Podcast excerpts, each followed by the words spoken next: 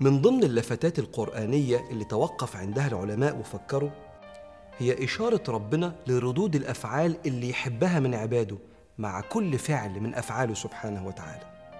يعني في أوقات الإنعام والرخاء ربنا يحب يشوف مننا إيه. وفي أوقات البأس والشدة ربنا يحب يشوف مننا إيه. وفي أوقات الأفراح والأحزان يحب يشوف رد فعل منك إيه. ورد فعلك ده مع أفعال الله هو اللي هتتحاسب عليه.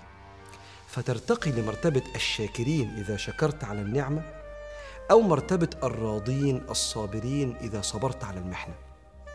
ومن ضمن الآيات آية في سورة الأنعام سورة العقيدة فيها عتاب رباني على بعض الناس في وقت المحن. ما كانش رد فعلهم الرد المناسب اللي ربنا يحبه. بسم الله الرحمن الرحيم. فلولا يعني فهلا يعني يا ريت.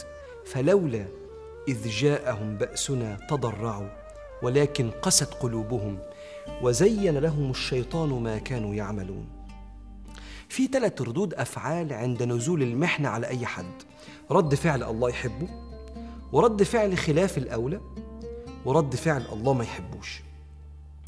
رد الفعل عند نزول المحنة اللي الله يحبه إذا جاءتك المحنة أحسن رد فعل. يشوف منك الاستكانة والتضرع.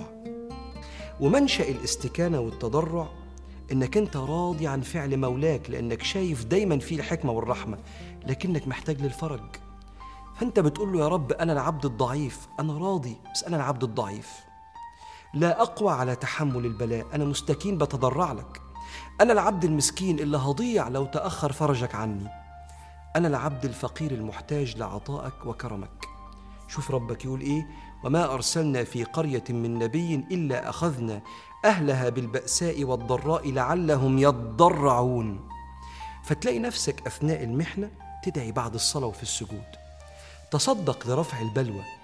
تديم الاستغفار عشان ربنا يجعل لك من كل ضيق مخرجا ومن كل هم فرجا ده أحسن رد فعل ذكر في القرآن والسنة الإستكانة والتضرع.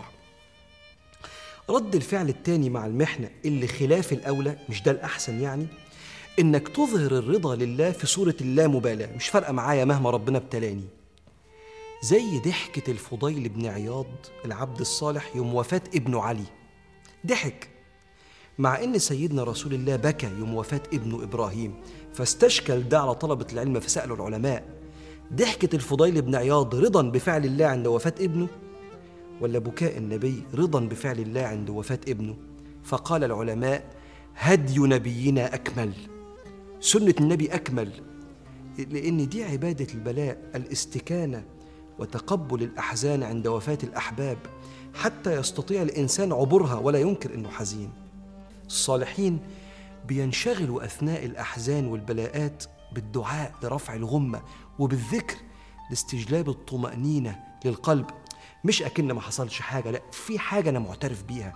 ويعلمنا سيدنا رسول الله كده. ذكر حدوث البلاء ونزول الكرب. لا إله إلا الله العظيم الحليم. لا إله إلا الله رب العرش العظيم. لا إله إلا الله رب السماوات والأرض ورب العرش الكريم. ذكر يخليني ساكن متضرع. مش أقول مش فارقة معايا ما أنا راضي لأ. راضي لكني متقبل إني حزين عشان أعرف أعبر. سيدنا علي بن أبي طالب دخل عليه أحد أصحابه في فترة مرضه كما يروى عنه يعني فحس بوخزة كده فتألم. آه كده. فواحد قال له أنت بتتأوه وأنت أبو الحسن؟ بتقول آه. كانوا بيقولوا فين الصبر؟ فقال أنا لا أشجع على الله. مش هعمل فيها جامد يعني. أنا متألم بقول له آه يا رب مش قادر. فخلاف الأولى إنك تظهر لله ان مش فارقة معاك أنا راضي. أنا راضي بس أنا حزين الحقني. أغثني يا رب العالمين. رد الفعل الثالث اللي الله ما يحبوش بقى هو العتاب على الله. اللي ربنا ذكره في الآية فلولا إذ جاءهم بأسنا تضرعوا ولكن قست قلوبهم وزين لهم الشيطان ما كانوا يعملون. نوع من العتاب على الله. والتصرف عكس اتجاه رضا ربنا كنوع من الزعل سواء بفعل معصية عارف انت متضايق من المحنة فتعصي كأنك متضايق كده يا رب. أو تترك طاعة معينة كنوع من التعبير عن عدم الرضا وتحس إنك أنت من حقك. وزين لهم الشيطان ما كانوا يعملون. هنا يجي الوعد الرباني الرحيم للي عمل مننا كده اللي زعل من ربنا واعترض وبعد. ربنا يقول له وإني لغفار لمن تاب وآمن. وعمل صالحا ثم اهتدى. استكان وتضرع وقال له يا رب الحقني أنا العبد الضعيف. فدول كانوا ثلاث ردود فعل الله بيحبها وخلاف الأولى ورد فعل الله لا يحبه عند نزول المحن. فاللهم يا رب فرج الهموم عن النفوس الحزينة وأنزل على القلوب المتألمة السكينة.